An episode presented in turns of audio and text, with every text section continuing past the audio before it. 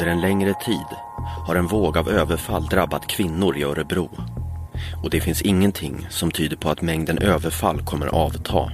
Det var väl enskilda överfall förut som man såg det och sen från hösten 2009 så ser man ju att det är ett, ett mönster. Då återkommer ju de här överfallen. Då är det väl en gång i månaden under den hösten.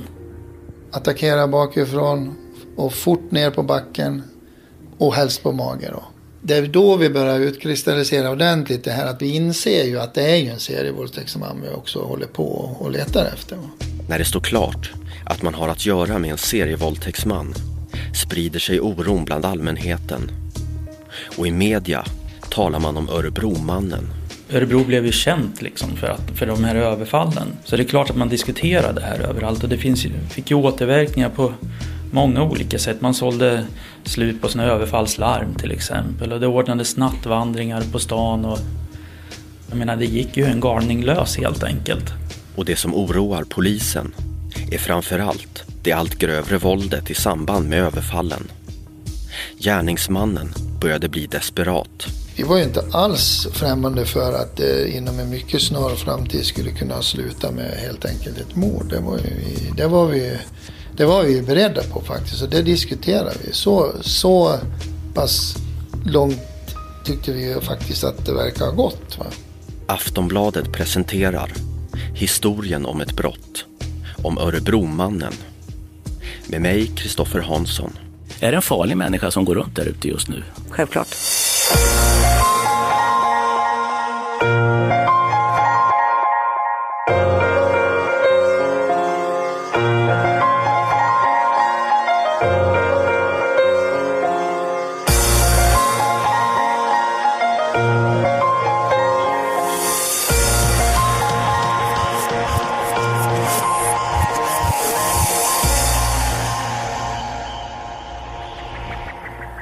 Oktober 2010. I ett förhörsrum i Örebro sitter polismannen och förhörsledaren Peter Springare.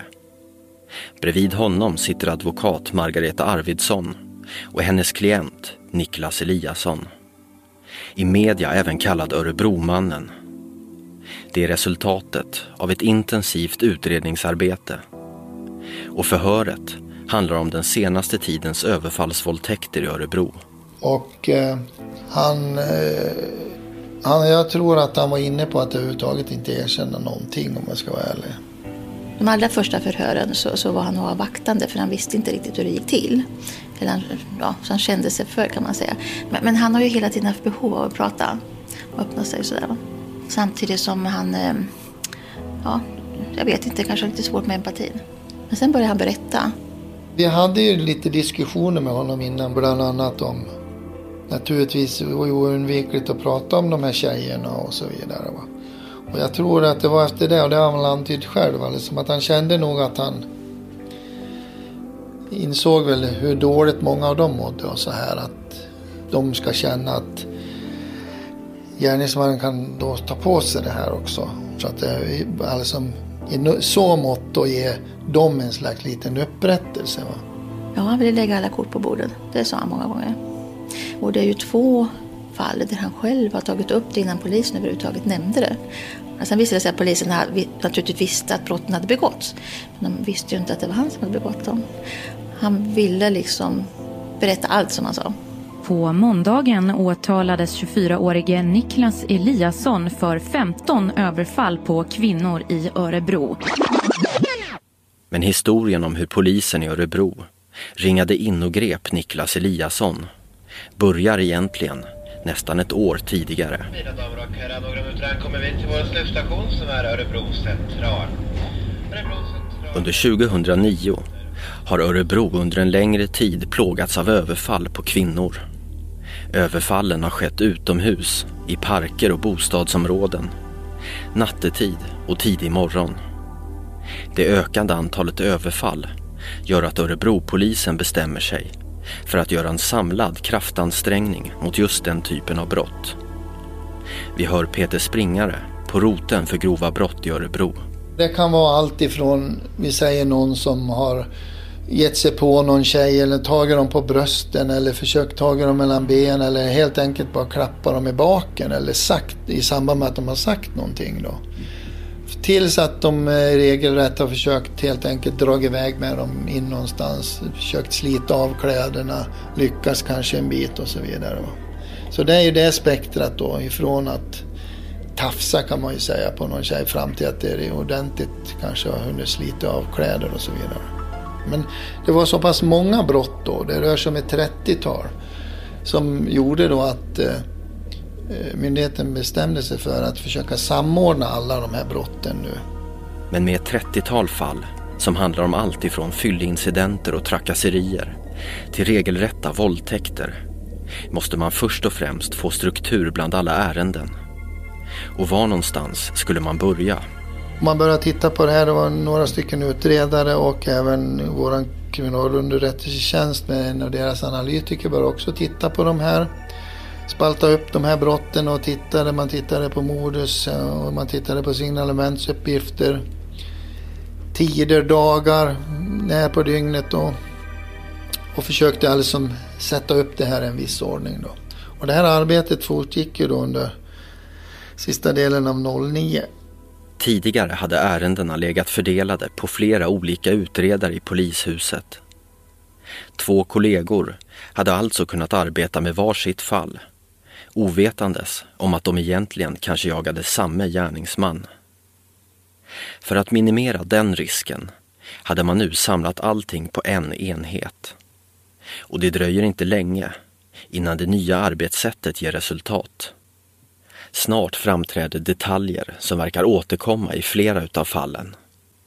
Det gör att man först och främst fokuserar på de ärenden som har saker gemensamt.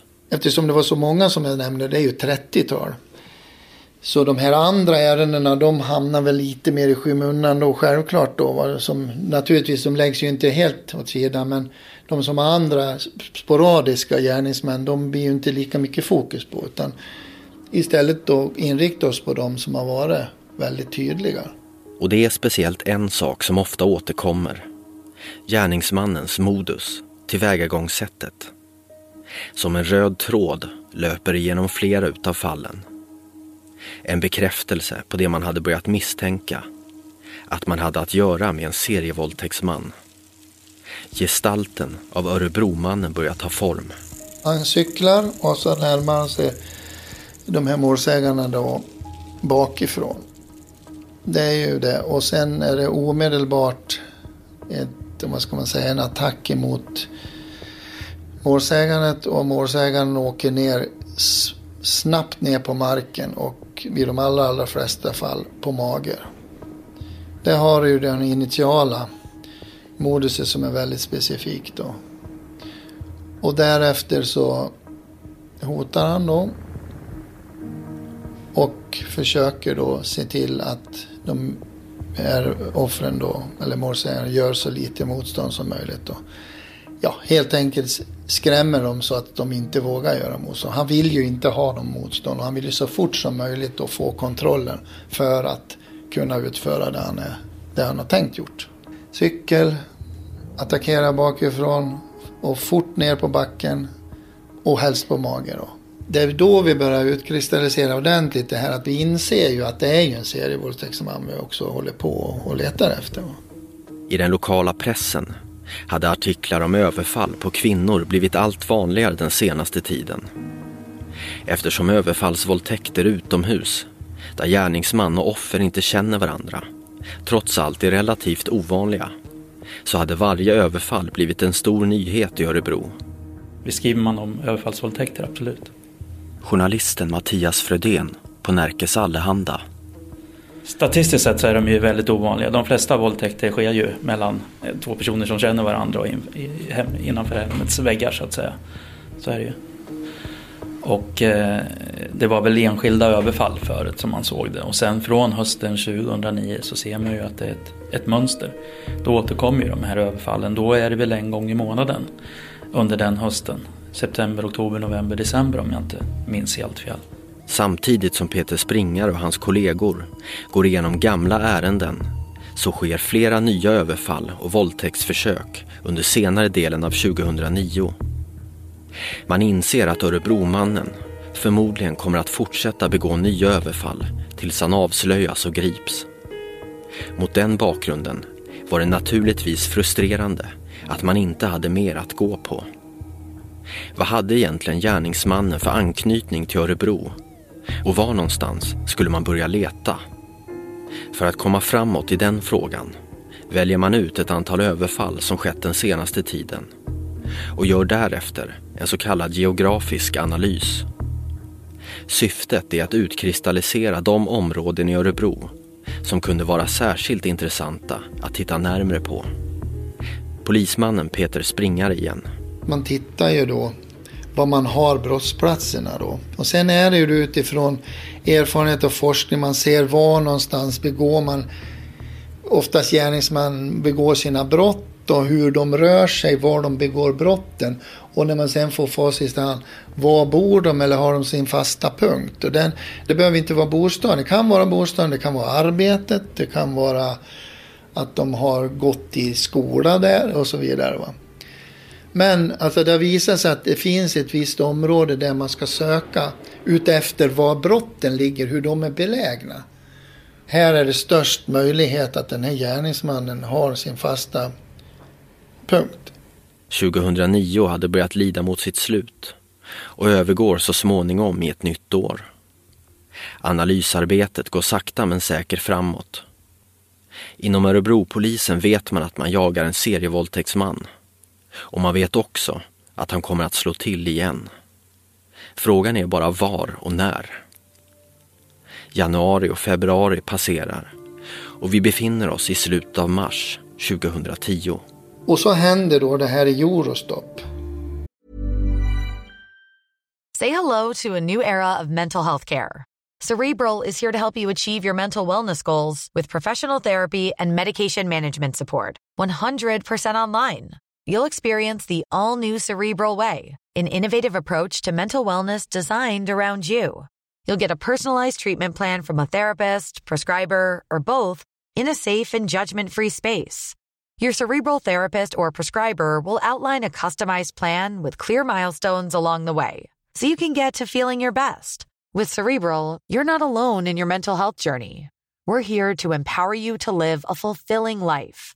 So take that first step towards a brighter future and sign up today at cerebral.com slash podcast and use code ACasts to get 15% off your first month. Offer only valid on monthly plans. Other exclusions may apply. Offer ends July 31st, 2024. See site for details. Den här grova våldtäkten där. Den här målsägaren då blir ju praktiskt taget nedslagen direkt, omedelbart i backen så att säga och fastbunden då med buntband. Då. Sen efter det då, då är ju i princip den här målsägaren helt oförmögen att försvara sig överhuvudtaget då. Och att hon därefter då förs bort till ett annat ställe längre in på det här området då. Och där då blir våldtagen på ett... Ja, själva våldtäkten är i sig också väldigt brutal då. Och att det är så pass utdraget. Alltså i mars månad, det är snö kvar, det är klet och det är leret. De får ligga alltså i en lerhög alltså med helt le, klet, nerkletad med lera. Va? Mitt uppe i alltihop det håller det här på alltså i en och en halv timme. Och att förutom att det här offret då är i princip helt oförmögen att försvara sig så får hon ju även motta ett antal hårda knytnävsslag i ansiktet också då.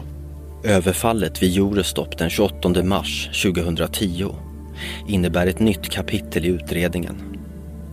Våldtäkten är både utdragen och brutal. I en och en halv timme hotar, misshandlar och våldtar gärningsmannen den bakbundna och försvarslösa kvinnan. Risken för att bli påkommen verkar inte spela någon roll.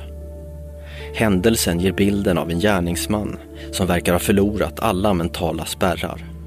Örebro blev ju känt liksom för, att, för de här överfallen. Så det är klart att man diskuterar det här överallt och det finns, fick ju återverkningar på många olika sätt. Man sålde slut på sina överfallslarm till exempel och det ordnades nattvandringar på stan och jag menar det gick ju en galning lös helt enkelt.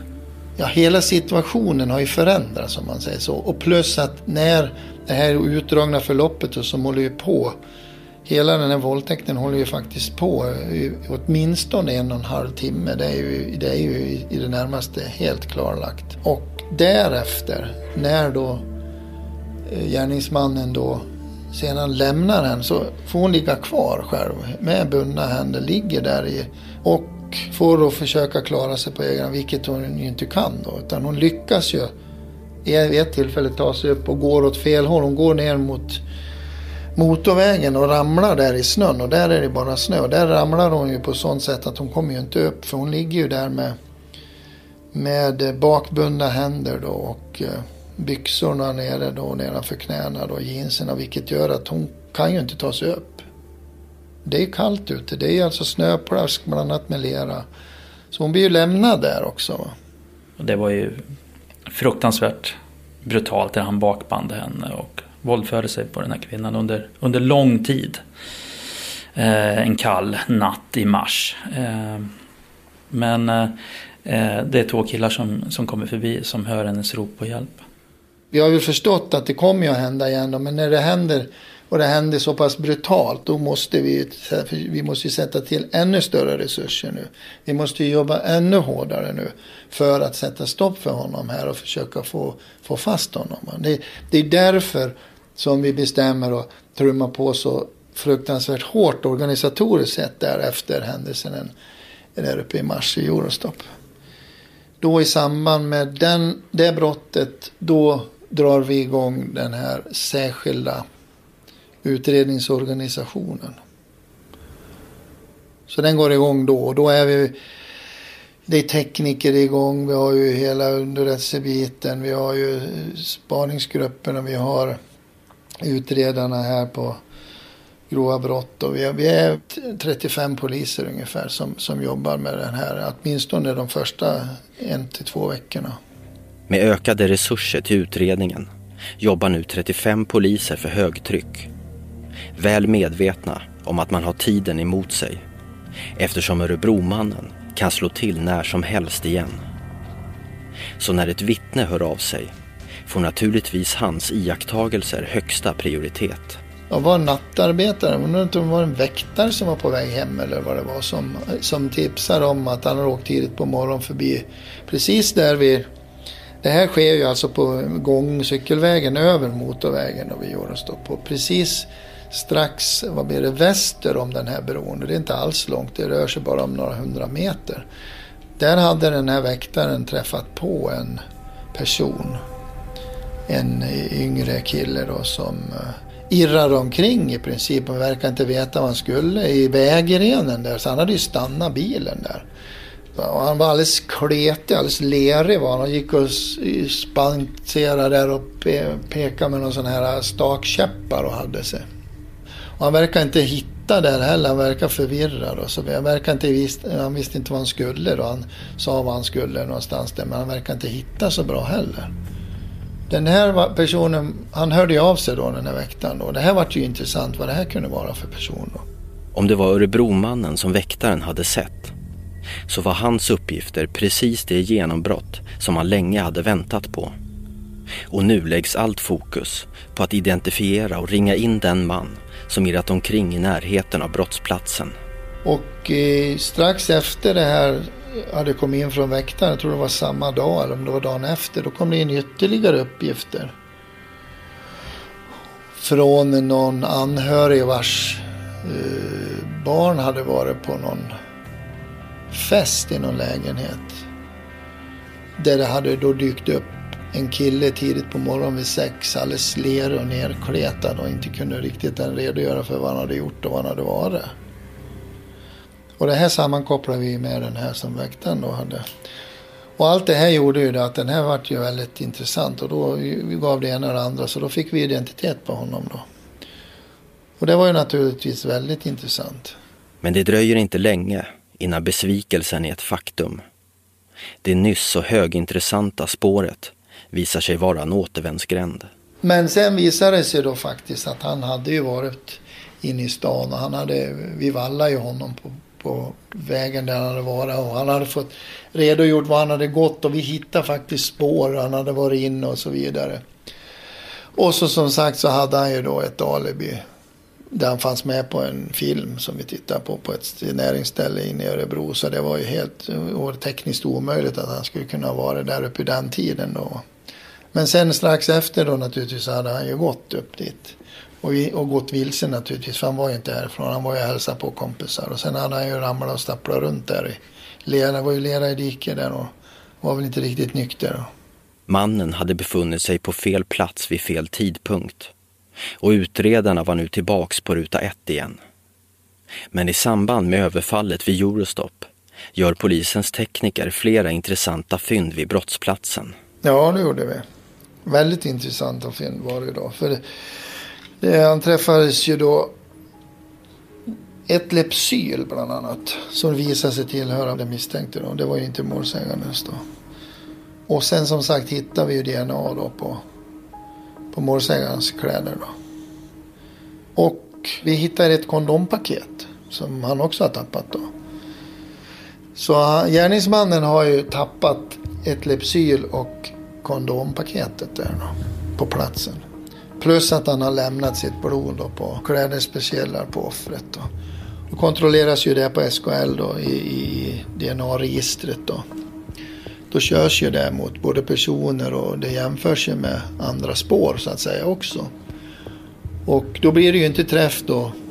Av naturliga skäl så blir det ju inte träff på någon person då. Men däremot får man en oväntad träff som gör att utredningen växer ytterligare och att nu ännu ett brott kan tillskrivas Örebromannen. Den DNA-profilen från Lepsylen och blodet från Eurostop det går ju in då på det DNA-profil som finns på en cigarettfimp ifrån ett överfall 2005 på Trängkorsvägen i Örebro. Då.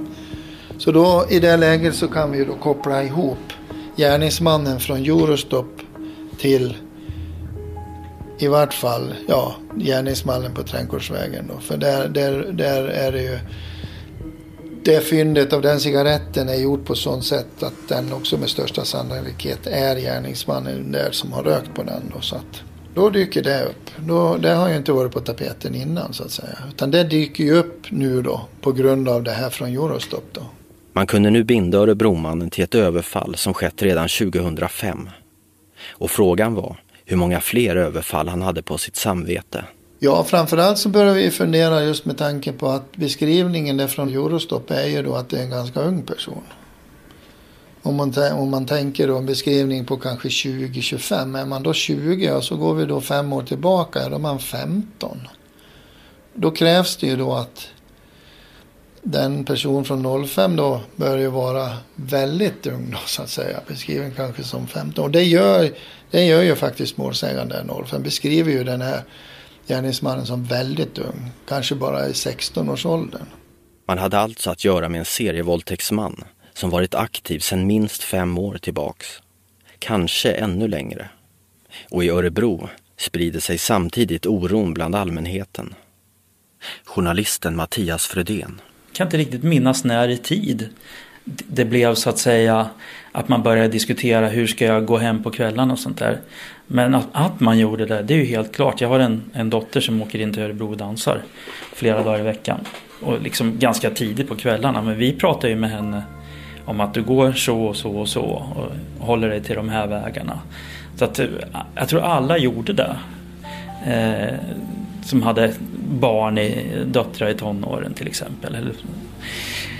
Och det, det är ju också naturligtvis problematiskt just det här liksom, ska man säga till sin lilla dotter som är 15-16 år att du kan inte röra dig på gatorna för det går en galning lös. Alltså det är ju, det är ju knappast hennes fel. Man ska inte, det, är ju, det är inte hon som ska egentligen som ska lida av det här och inte kunna gå vad hon vill. Så det där är ju en balansgång också naturligtvis. Och tala om liksom den här rädslan som man har, som man faktiskt hade. Eh, och ändå balansera upp det och tala om att ja, så farligt är det egentligen inte. Det är en jättesvår balansgång det här. Och eh, jag tror att många eh, resonerade ungefär så här.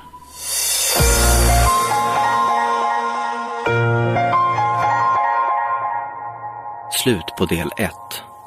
Fortsättning följer i del 2.